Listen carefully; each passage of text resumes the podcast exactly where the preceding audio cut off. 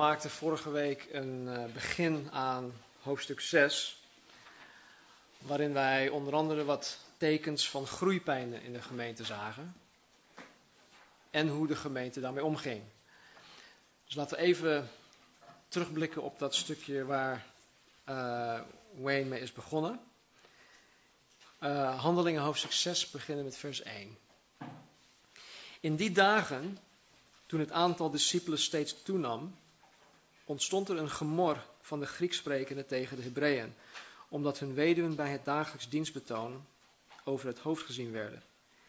En de twaalf riepen de menigte van de discipelen bij zich en zeiden: Het hoort niet zo te zijn dat wij om de tafels te bedienen nalaten het woord van God te verkondigen.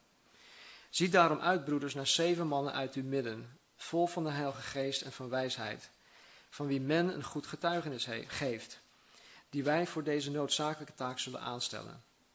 Wij echter zullen volharden in het gebed en in de bediening van het woord. En dit woord viel goed bij, de heel, bij heel de menigte. En zij kozen Stefanus, een man vol van geloof en van de Heilige Geest, Philippus, Prochorus, Nicanor, Timon, Parmenas en Nicolaus, een proseliet uit Antiochië. Zij lieten hen plaatsnemen voor de apostelen en die legden hun, nadat zij gebeden hadden, de handen op. En het woord van God verbreidde zich en het aantal discipelen in Jeruzalem nam sterk toe. En een groot menigte priesters werd aan het geloof gehoorzaam. Nou, prioriteit nummer 1 van de apostelen was gebed en de bediening van Gods woord. En hierin zien wij het voorbeeld die ik als voorganger dien na te volgen en die wij als gemeente willen navolgen. Nou, concreet betekent dit voor mij dat ik mezelf geheel geef aan het zoeken van de Heer, hè, voor Zijn wil, voor Zijn leiding, voor Zijn werk in en door mijn eigen leven heen, maar ook voor het welzijn van de gemeente, van Calvary Chapel. Dat is mijn hoofdtaak, mijn kernactiviteit. Het is ook dat ik jullie dagelijks in gebed breng, stuk voor stuk. Dat deden zij. Hun bediening was gebed en het bedienen van het woord. Nou, belangrijk is voor mij dan dat ik mezelf de Bijbel eigen maak. Dat ik Gods woord, en samen met God de Heilige Geest, dat ik het bestudeer, dat ik het zelf ook doorleef en dit vervolgens met jullie deel. Dat is eigenlijk het enige dat, dat ik hoor te doen. Of het enige, dat is, dat is, dat is eigenlijk wat, wat ik doe. Ik ontvang van God en ik geef het door aan jullie. Nou, zo simpel ligt dat. Dus in mijn bediening als herder-leraar is het, ehm, ja, is mijn kerntaak gebed of het bidden en het bedienen van Gods woord, de Bijbel. Maar, dit geldt niet alleen voor mij. We kunnen dit ook breder trekken. Want breder gezien geldt dit eigenlijk voor elk kind van God. Ieder die zichzelf christen noemt, hoort dit ook te doen. En elke discipel, elke christen doet er goed aan om een gezond gebedsleven te hebben. als het ware om, om voortdurend met je gedachten bij God te zijn, om voortdurend in de geest van gebed je dag doorheen te gaan. En dat wil niet zeggen dat wanneer je met je, je, je economie eindexamen bezig bent, dat je met je gedachten bij God moet zijn. Nee, je moet je natuurlijk richten op, dat, op datgene waar je mee bezig bent. Maar het heeft te maken met een, een geest van gebed, een, een, een instelling van je hart. Dat je toch constant die lijn met God hebt. En dat, dat is een teken van een gezond gebedsleven. En omdat het woord van God, de Bijbel, ons geestelijk voedsel is, is het regelmatig lezen en het bestuderen van de Bijbel onontbeerlijk. Als je een gezond christen wil zijn en ook blijven. Nou, jullie weten dat na de geboorte van een baby, hè, dat die regelmatig uh, onderzocht moet worden op zijn, op zijn of haar gezondheid. En tijdens zo'n tijdens onderzoek wordt, wordt ook gevraagd naar de eetlust van zo'n kind. Hè, eet hij goed of drinkt hij goed? Ja, nou, als hij gezond is wel. Eetlust is dus belangrijk bij zo'n kindje. Want dat kindje die moet groeien. En eh, de ouders onder ons weten dat kinderen, baby's, zuigelingen, die groeien vrij rap. In een vrij rap tempo. Je ziet ze bijna dagelijks zie ze groeien. En dat komt omdat ze goed eetlust hebben, ze nemen genoeg voedingsstoffen in en nou, dat, gaat, gaat vanzelf. Dus, eet, dus eetlust is, is gezond. Eetlust, jongens, niet vraatzucht. Want we kunnen ook naar een bepaalde groep mensen kijken in een bepaald land verder weg in Noord-Amerika. eet, eetlust, heel gezond. Ik ben al een poosje niet ziek geweest. En dat, daar dank ik God ook voor. Maar jullie weten allemaal wat het is om, om griep, te, griep te hebben. Of verkoud, verkoudheid te hebben. Dat je ziek bent en je voelt je niet lekker van top tot teen. Voel je eigenlijk gammel en je hebt pijn en je bent zwak en je hebt geen eetlust. Nou, naarmate je beter wordt, naarmate je beter begint te voelen, komt die eetlust weer terug. Toch? Dus dat parallel tussen gezond zijn en een goed eetlust hebben, dat, ja, dat klopt wel. Want als je lichamelijk niet gezond bent, als je ziek bent, dan heb je ook minder eetlust. Nou, zo is het precies ook met ons geestelijke gezondheid.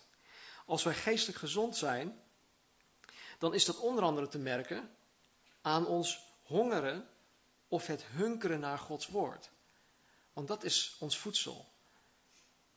Dus het is best wel een, een, een, een, een, eh, een betrouwbare manier om te peilen hoe gezond je bent geestelijk. Nou, Petrus zegt het heel mooi. In 1 Petrus 2, vers 2 zegt hij dit.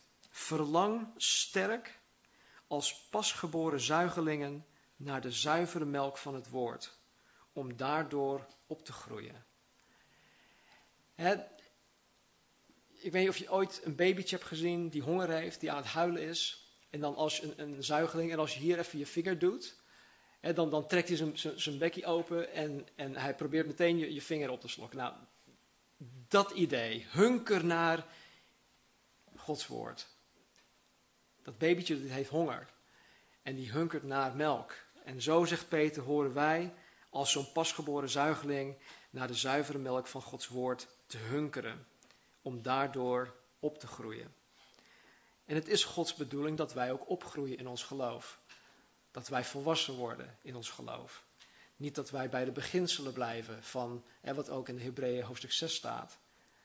Dus hij wil dat wij tot volwassenheid komen. Dus in dit gedeelte, hoofdstuk 6, vers 1 tot 7, dat we het gelezen hadden, zien wij dus weer wat, zij in, wat wij in hoofdstuk 2, vers 42 lazen, dat de gemeente bleef volharden in de gebeden en in de leer van de apostelen, in Bijbelstudie. Zij bleven volharden in deze dingen. Nou, wat me opvalt in vers 3, waarin staat: Zie daarom uit, broeders, naar zeven mannen, ik zie daarom uit, broeders, naar zeven mannen uit uw midden, vol van de Heilige Geest en van wijsheid, van wie men een goed getuigenis geeft. Wat mij opvalt hier in dit stukje, is de criteria waaraan deze zeven bedienden moesten voldoen. Zij moesten vol zijn van de Heilige Geest en van wijsheid. Zij moesten een goede reputatie hebben onder de mensen. En voor, voor ons is dat ook belangrijk. Ik denk dat wanneer wij iemand aanstellen in een bepaalde functie of wanneer een bepaalde bediening, dat die mensen een goede reputatie hebben onder, of dat die persoon een goede reputatie heeft onder de mensen. Ehm, dat die beproefd is onder de mensen. Stel dat we nu tien jaar verder zijn en God zegt: Stan, uh, Marnie, ik wil dat jullie uh, teruggaan naar Amerika of dat je ergens anders een kerk gaat stichten. Nou, dan zijn wij een gemeente van x aantal. Dan moeten wij een vervanger voor mij gaan aanstellen. Het zou, niet het zou niet mogen zijn dat we zomaar iemand van, zeg maar, van buiten uh, aantrekken. Of dat we hier zeggen van, joh, nou, ik, ik mag jou wel. Ik, uh, laat, laten, we, laten, we, laten we jou aanstellen hiervoor. Nee, die persoon moet beproefd zijn onder de mensen. Hij moet een goede reputatie hebben onder de mensen. Want uiteindelijk wordt die persoon dan degene die de mensen gaat dienen. Dus belangrijk, een belangrijk, uh, belangrijk iets voor ons. Nou, waarom valt het me op? Dat zij alleen maar, of alleen maar, dat zij dus um, vol van de Heilige Geest en wijsheid moesten zijn en dat zij um, een goede reputatie moesten hebben onder de mensen. Nou, als ik denk aan de taak van een bediende, als ik denk aan de taak van het uitdelen van levensmiddelen, dan heb ik het idee dat bijna iedereen dit zou kunnen doen. Het lijkt mij niet zo'n zo'n moeilijke taak. Sterker nog, ik durf te zeggen dat de wereld deze taak zelfs als minderwaardig zou zien. als ondergeschikt. Misschien wel domwerk. Uitdelen van, van voedselpakketten. Iedereen kan dat doen. En de Bijbel maakt er ook niet, niet veel meer van. De Bijbel staat, in de Bijbel staat alleen dat zij dus dat er een nood was en deze zeven mannen moesten aan die nood voldoen. Dus aan de hand van wat hier staat, kunnen we veilig concluderen dat, ja, dat het geen hoog niveau uh, vereiste. Het vereiste geen academisch niveau om, om dit praktisch probleem te tackelen. Het was relatief simpel, denk ik, volgens de tekst.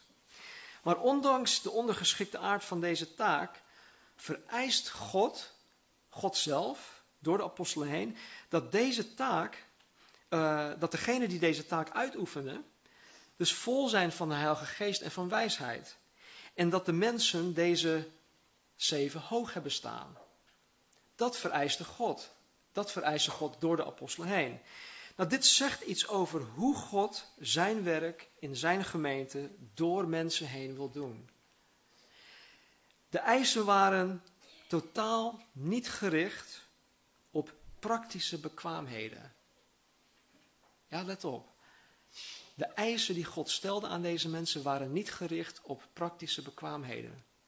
Ze waren juist gericht op geestelijke gezondheid. Geestelijke gezondheid. Ze moesten vol zijn van de geest. Dat betekent niet vol van mezelf. Ze moesten um, beheerst worden door de geest van God. Niet beheerst door wat ik wil en mijn begeerte en, en mijn ding. Zij moesten gezond zijn in de geest. En ook hier, in dit geval, zien we weer een mooi eh, voorbeeld die wij als gemeente dienen na te volgen. Namelijk dat deze apostelen geen genoegen namen met mensen die alleen maar praktische ervaring en bekwaamheid hadden. Want dat is gevaarlijk. Zij namen geen genoegen met mensen die het konden. En het is heel, mens eigen, we zijn heel gauw geneigd om mensen aan te stellen of mensen te vragen van joh, die is goed daarin, dus plaats die persoon maar in die functie. Dat deden zij niet. Nee, ze keken naar veel, veel belangrijkere dingen. Geestelijke gezondheid. In de arbeidswereld worden wij beoordeeld en geselecteerd op basis van onze opleiding en onze praktijkervaring. Ofwel onze curriculum vitae, onze cv. Er wordt zeer zelden een uitzondering gemaakt. Vooral hier in Nederland. Voor. Hier in Nederland moet je echt voor alles moet je papieren hebben. In Amerika wordt daar nog, nog vaker uitzonderingen op gemaakt. Maar om in de arbeidswereld een bepaald beroep uit te mogen oefenen, heb je minstens de juiste papieren nodig. En liefst ook een aantal succesvolle jaren praktijkervaring in een soortgelijke functie. Dat zijn heel vaak de eisen. Nou, sommige kerken hanteren precies dezelfde methodes. om een bepaalde bediening uit te oefenen moet je de juiste papieren of praktijkervaring hebben. En helaas weegt deze criteria soms zwaarder dan de geestelijke gezondheid van de persoon in kwestie. Maar hier in hoofdstuk 6, in Handelingen, zien wij juist hoe zwaar de geestelijke gezondheid van de personen in kwestie weegt. Dat weegt veel zwaarder dan wat dan ook. Voor God is geestelijke gezondheid nummer één in hoe Hij mensen aanstelt in zijn of haar bediening. Dus vol zijn van de geest en wijsheid is onontbeerlijk in de bediening. En wij zijn allemaal geroepen om Hem te dienen. En het maakt echt niet uit wat voor bediening het is. Kijk, ik, ik sta hier dan voor jullie en jullie denken misschien, nou ja, dat is een bediening dat Sten uitoefent. Natuurlijk moet hij vol zijn van de geest, natuurlijk moet hij vol wijsheid zijn, natuurlijk moet hij de Bijbel door en door kennen.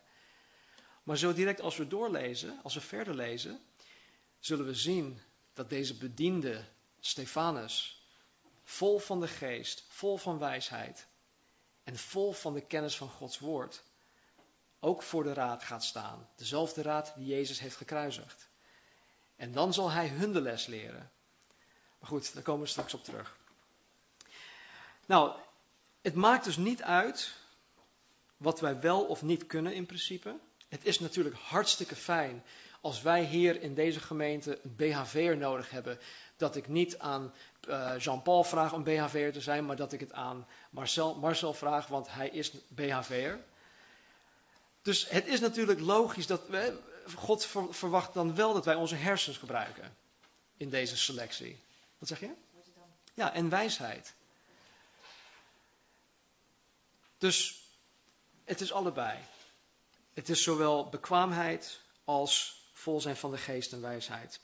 Nou, enerzijds maakt dit, dit dus dat, dat, je, dat de criteria vol zijn van geest is en van wijsheid, dat maakt het dienen van God in de gemeente voor iedereen mogelijk. De criteria die God stelt, vol zijn van de geest, vol van wijsheid, dat maakt het voor iedereen mogelijk, zowel jong als oud. Anderzijds zou dit een hoop mensen kunnen uitsluiten. Want iemand die zijn eigen ding wil doen, die niet vol wil, zijn van de Heilige Geest, maar die vol wil zijn van andere dingen, die worden hierdoor uitgesloten. Dus het kan zijn dat iedereen betrokken is, dat iedereen uh, een bediening heeft in de gemeente en ook buiten de gemeente. Maar het kan ook zijn dat het maar weer, dat volgens de 20-80-regel, uh, dat het maar een handjevol mensen zijn, 20%, die vol zijn van de geest, die vol zijn van wijsheid, die de bediening uitoefenen en dat de rest maar de stoelen vullen. Maar zo, dat was de bedoeling niet in de gemeente. Dat is nu ook nog niet de bedoeling. Dus God wil heel graag dat een ieder hem dient. Hem dient met de gaven, met de talenten die we hebben gekregen, met de bekwaamheden. Maar vooral door vervuld te zijn met zijn geest, met zijn wijsheid en met kennis van zijn woord. Oké. Oh, dat ben vergeten.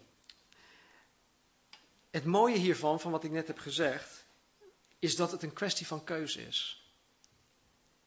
Ik kan kiezen of ik wel of niet voldoe aan de eisen van God. Want de keuze is aan mij of ik vervuld ben met de geest of niet. Ik kan in de gemeente een keus maken of ik wel of niet geschikt zou zijn voor een, voor een bediening. En het maakt niet uit welke bediening. In de wereld wordt die keus voor mij gemaakt. Aan de hand van mijn cv kan ik in een bepaalde richting mijn brood verdienen. Maar als mijn hart daar helemaal niet ligt, of als ik, dat, als ik echt baal van dat werk en ik, ik, oh, ik vind het vreselijk om elke dag met lood in mijn schoenen naar mijn werk toe te gaan. En ik wil iets anders en mijn hart ligt in totaal, op, op een totaal ander gebied. Dan is dat voor mij althans, voor mijn persoon, is dat niet meer mogelijk. Waarom niet? Omdat ik dan omgeschoold moet gaan worden. Omdat ik dan, uh, nou, dat, dat, dat is een heel moeilijk traject. En als je eenmaal volwassen bent, als je eenmaal kinderen hebt, getrouwd en verantwoordelijkheden, jongens, dan is dat gewoon bijna onmogelijk. Het dus, die keus wordt als het ware wordt voor je gemaakt. Maar in de gemeente, in Gods koninkrijk, in zijn economie, heb ik die keus. Ik heb de vrije keus om wel of niet God te mogen dienen, in welke capaciteit dan ook. En niet iedereen is geroepen om voorganger te zijn. Niet iedereen is geroepen om bediende te zijn. Maar weet je wat? Waar God, waartoe God jou roept als persoon, dat is de hoogste, de ultieme roeping voor jouw leven. Dus als God uh, Jean-Paul roept om uh, bij de deur te staan en niets anders, hè, de deur te staan, mensen te begroeten, een foldertje te geven, dan is dat de allerhoogste roeping voor Jean-Paul. Waarom? Omdat God hem aangesteld heeft daartoe. Mensen denken vaak, oh, voorganger, hè, evangelist, uh, whatever, dat is de hoogste roeping. Nee, dat is baloney.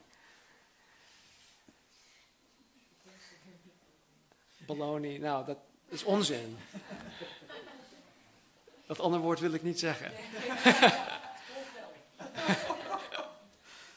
dus in de wereld wordt de keus voor mij gemaakt en in de Gods koninkrijk heb ik een keus. Nou, laten we het oppakken bij vers 7. En we gaan er vrij snel doorheen. En het woord van God verbreidde zich en het aantal discipelen in Jeruzalem nam sterk toe. En een grote menigte priesters werd aan het geloof gehoorzaam. En Stefanus, vol geloof en kracht, deed wonderen en grote tekenen onder het volk.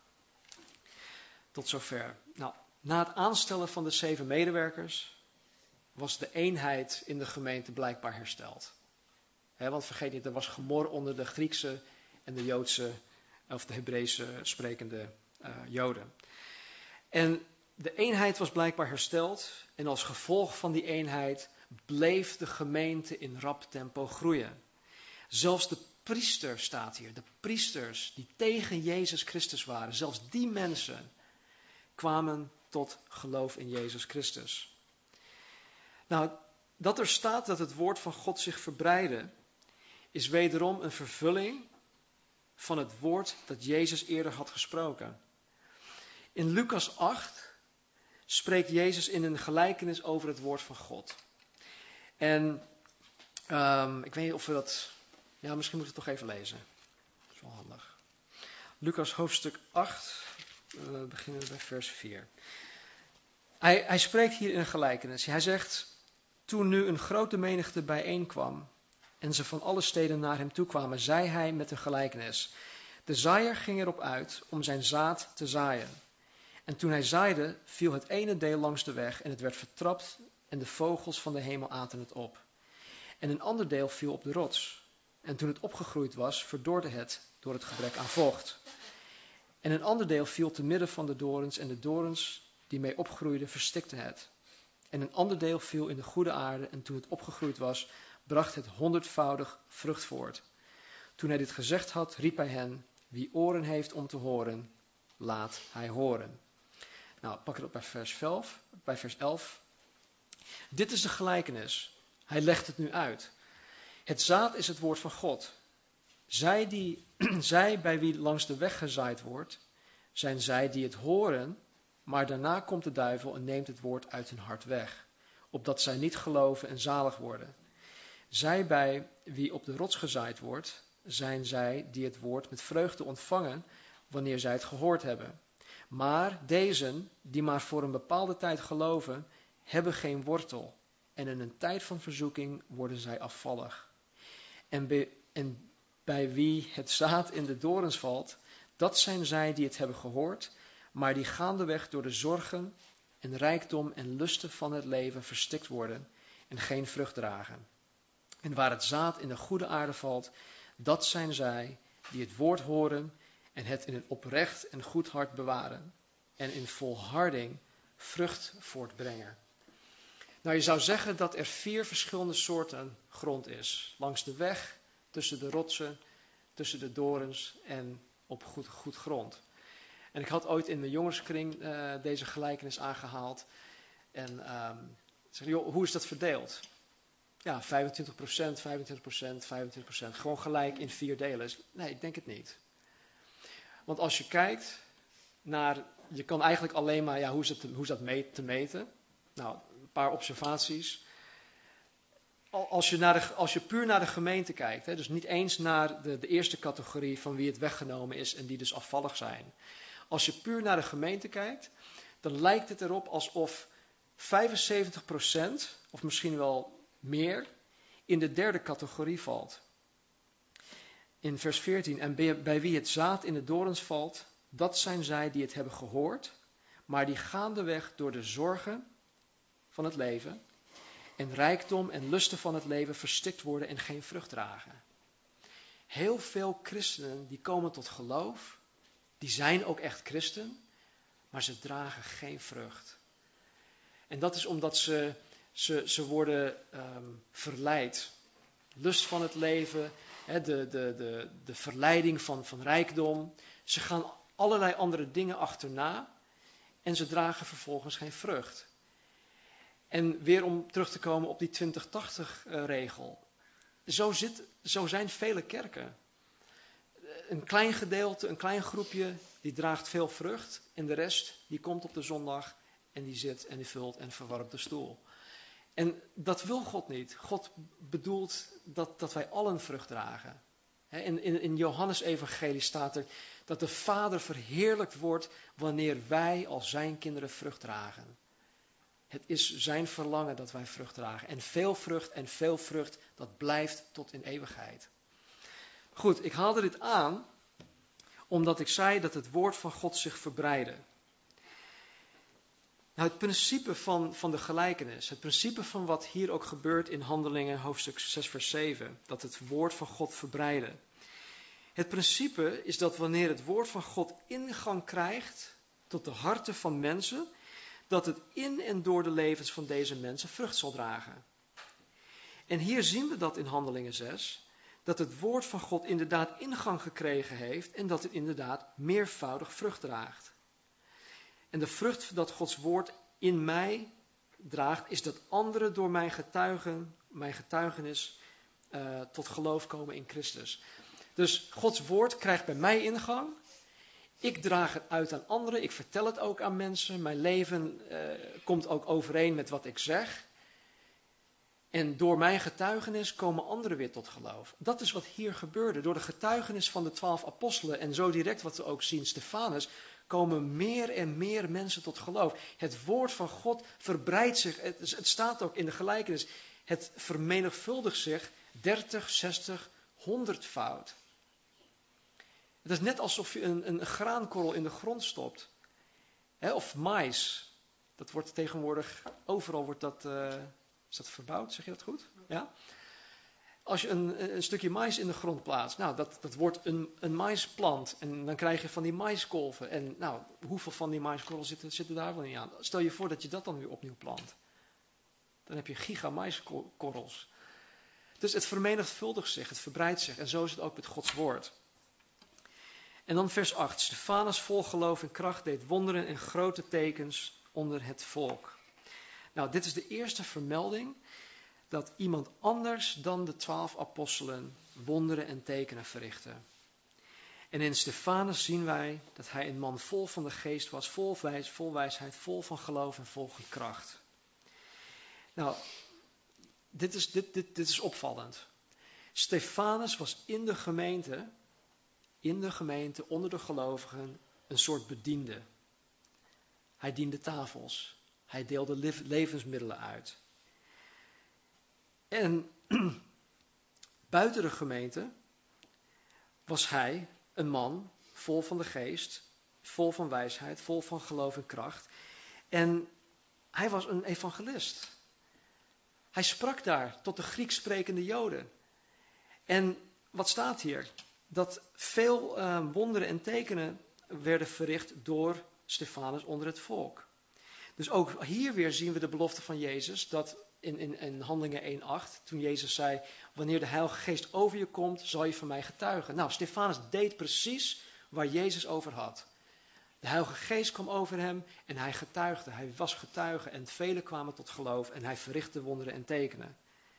En dat bevestigde ook weer datgene wat hij sprak.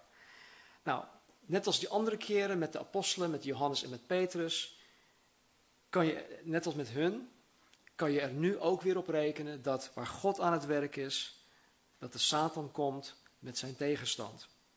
Nou, eerst waren het alleen maar nog de apostelen, eerst was het alleen nog maar Johannes en Petrus, maar nu moet ook Stefanus het ontgelden en ook hij wordt voor de raad gesleurd. In vers 9, en daar kwamen enige van hen tegen op die behoorden tot de zogenoemde synagogen van de Libertijnen, van de Cyreneërs, van de Alexandr Alexandrijnen en van hen die uit Cilicië en Azië afkomstig waren. En zij reden twisten met Stefanus, maar ze waren niet in staat de wijsheid en de geest door wie hij sprak te weerstaan. Nou, deze mensen die tegen Stefanus opkwamen, waren waarschijnlijk Grieks sprekende um, Joden. afkomstig uit deze genoemde plaats. Nou, ik ga, ik ga er niet verder op in waar ze allemaal vandaan zijn gekomen. Maar waarschijnlijk kwamen deze juist tegen hem op, omdat Stefanus zijn preek richtte op de Grieks sprekende mensen. Dus hij, was, hij, hij wist, hey, dat zijn Grieks sprekende Joden, ik ben ook een Grieks sprekende Jood, ik spreek hier in Grieks. Nou, hij verkondigt het en deze mensen komen tegen hem op. Maar omdat Stefanus vol van de geest was en van wijsheid, kon niemand, niemand hem verbaal weerstaan. Ik weet niet of, of jullie dat ooit hebben meegemaakt. Hè? Dat wanneer, uh, wanneer je een, een woordwisseling hebt met iemand. En als jij, sterk, als jij verbaal sterker bent dan, dan die andere persoon. Dan, um, ja, dan, dan, dan is die persoon, dan, dan voelt hij zich um, overrompeld. Nou, dat gebeurt zo meteen ook, denk ik, wat, wat, wat we hier verder gaan lezen. Maar wat ik eerst wil zeggen is dat omdat Jezus, omdat Stefanus in de geest van wijsheid sprak, konden ze hem niet weerstaan. En Jezus beloofde dat ook. In Lucas 21:15 staat er, Jezus spreekt hier, want ik zal u mond en wijsheid geven, die al uw tegenstanders niet zullen kunnen weerspreken of weerstaan. Wat een belofte.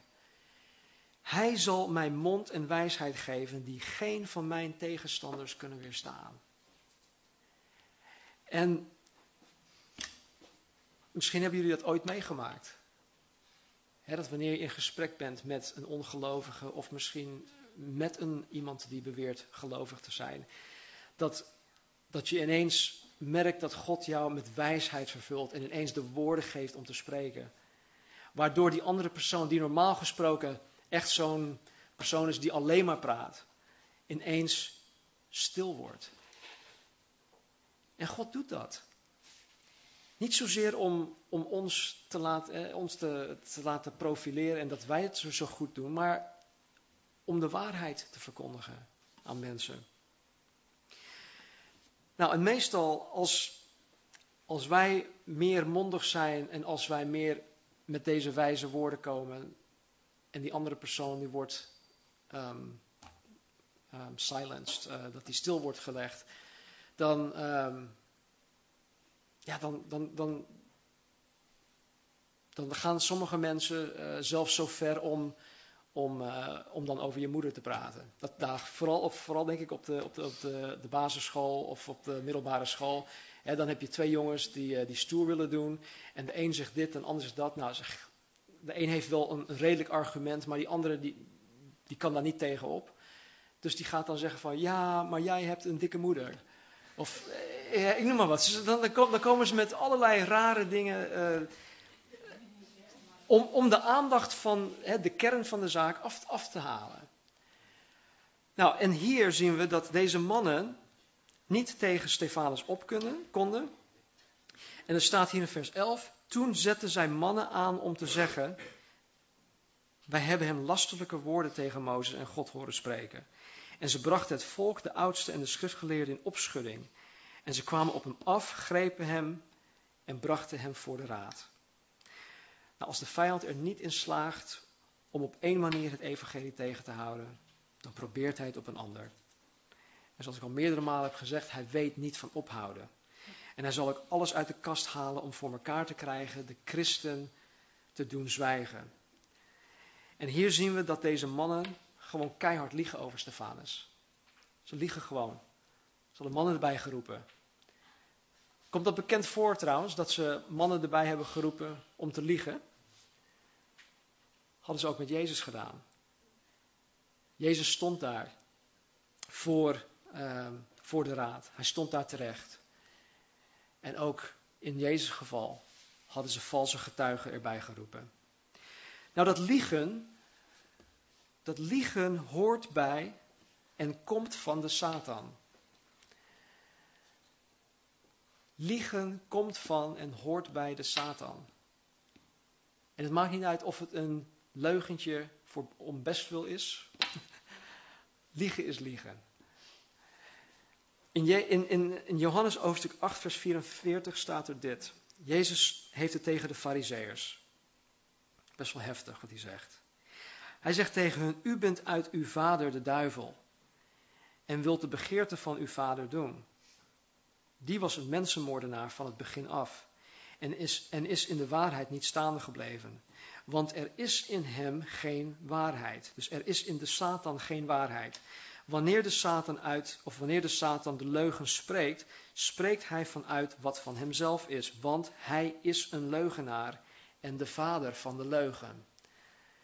Dus alle leugens, hoe onschuldig, hoe ze ook mogen lijken, komen vanuit de duivel. Hij is de vader van de leugen. En ook hier brachten zij dan weer mensen in om tegen Stefanus op te komen.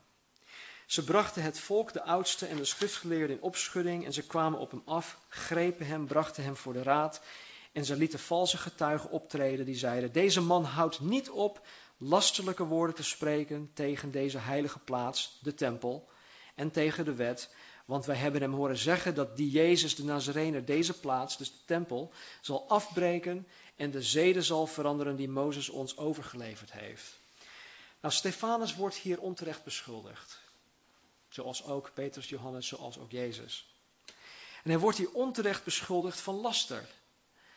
Zij beweren dat Stefanus tegen deze heilige tempel spreekt, tegen de wet van Mozes en tegen Mozes zelf. Stefanus had ongetwijfeld in zijn, in zijn preek wel dingen over de tempel en over Mozes gezegd, want Jezus had ook in Marcus 13 geprofiteerd dat de tempel afgebroken zou worden. Jezus zei in Marcus 13, er zal geen enkele steen bovenop de ander meer blijven staan. De tempel zal afgebroken worden. Dus buiten twijfel had hij daar misschien iets over gezegd. En trouwens, in, in 70 na Christus is de tempel ook afgebroken. En geen enkele steen is boven de ander gebleven. Ik weet niet of, ja, jullie, jullie weten het wel. Jezus zei ook op een gegeven moment over zijn eigen lichaam: Breek deze tempel af en ik zal het na drie dagen weer, weer opbouwen. Of iets dergelijks, even mijn eigen, losse vertaling.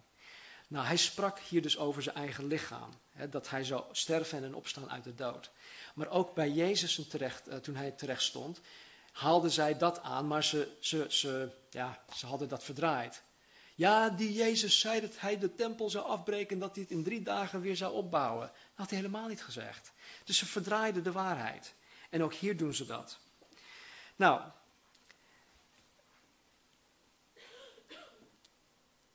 die, eh, die mensen, de Joden, die hielden Mozes superhoog.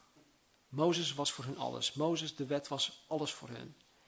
En als je iemand wil beschuldigen, dan is het beste om, om mensen te beschuldigen dat ze tegen Mozes en de wet spraken. En dat deden ze hier ook. Nou, wat we volgende week gaan zien, is waar Stefanus het uiteindelijk over gaat hebben. En ik, laat, ja, ik, ik, laat ons nu een beetje, beetje hangen, want um, ja, er is wel een hoofdstukverdeling, maar er hoort eigenlijk geen verdeling, hoofdstukverdeling te zijn, want het verhaal gaat gewoon verder. Maar omwille van de tijd stop ik hier. En dan pakken we het volgende week op. Um,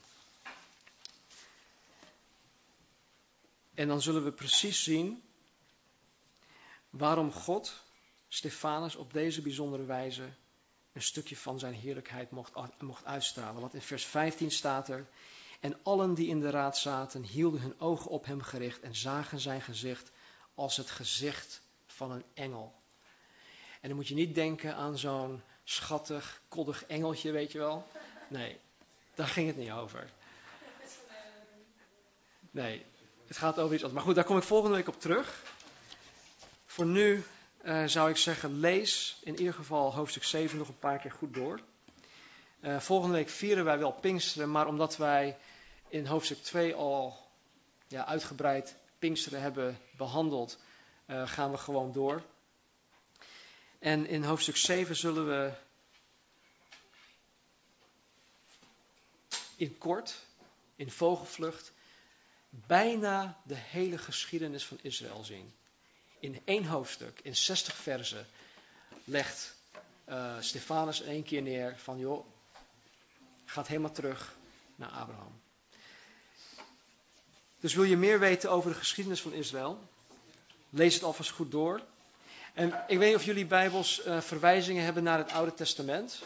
Als je Bijbel dat wel heeft, ga terug naar die oude, naar die uh, Bijbelversen. En als je dingen tegenkomt waarvan je zegt van, joh, wat, wat bedoelt hij hiermee? Of wat, wat is dat? Of dit begrijp ik niet? Of dit lijkt tegenstrijdig. Stuur me deze week dan een mailtje en dan zal ik het proberen, ik probeer het op te nemen in de preek van volgende week. Goed, laten we bidden. Heren, dank u wel. Heren, voor uw woord. Heren, dat u ja, ons daarin onderwijst, Heer. Ik weet, Heren, dat ik vandaag heel veel informatie heb verschaft. En dat het misschien niet zozeer ja, een preek was, Heer, maar meer een uitwisseling van informatie. Maar Heer, het is informatie die u ons geeft, want het staat in uw woord, in uw Bijbel. Dus Heer, we geloven dat wij geleerd hebben vandaag van u. En dat u ons daar ook in, in helpt, Heer, om het te begrijpen. Heer, om het toe te eigenen, om toe te eigenen, op het eigen te maken. Heer, om het toe te passen in ons leven. En Heer, ik weet dat u verlangt dat ieder van ons vervuld is met uw geest, vervuld is met wijsheid. Heer, dat wij groeien in genade, dat we groeien in uw woord, in kennis van uw woord, kennis van uw zoon. Zo Heer, help ons vandaag, help ons deze komende week. Heer, om inderdaad dichter naar u toe te groeien. En Heer, ik bid in het bijzonder voor, Heer, voor Thomas, voor Paul, Heer, voor Roelof, voor, uh, voor Alyssa, Heer, voor, um, voor Hendrik. En um, ja, Heer, de anderen die op dit moment hier niet aanwezig zijn, Heer, maar die ook uw kinderen zijn, Heer. Wees hen genadig. En Heer, breng tot herinnering degene, ja, datgene dat ze nodig hebben, Heer, om te slagen.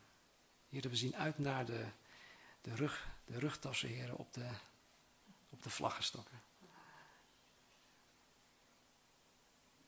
En Heer, we danken u voor wie u bent. Heer, ga met ons mee in alles dat we doen vandaag. In alles dat we doen deze week. Heer, zegen ons en stel ons tot zegen. Amen.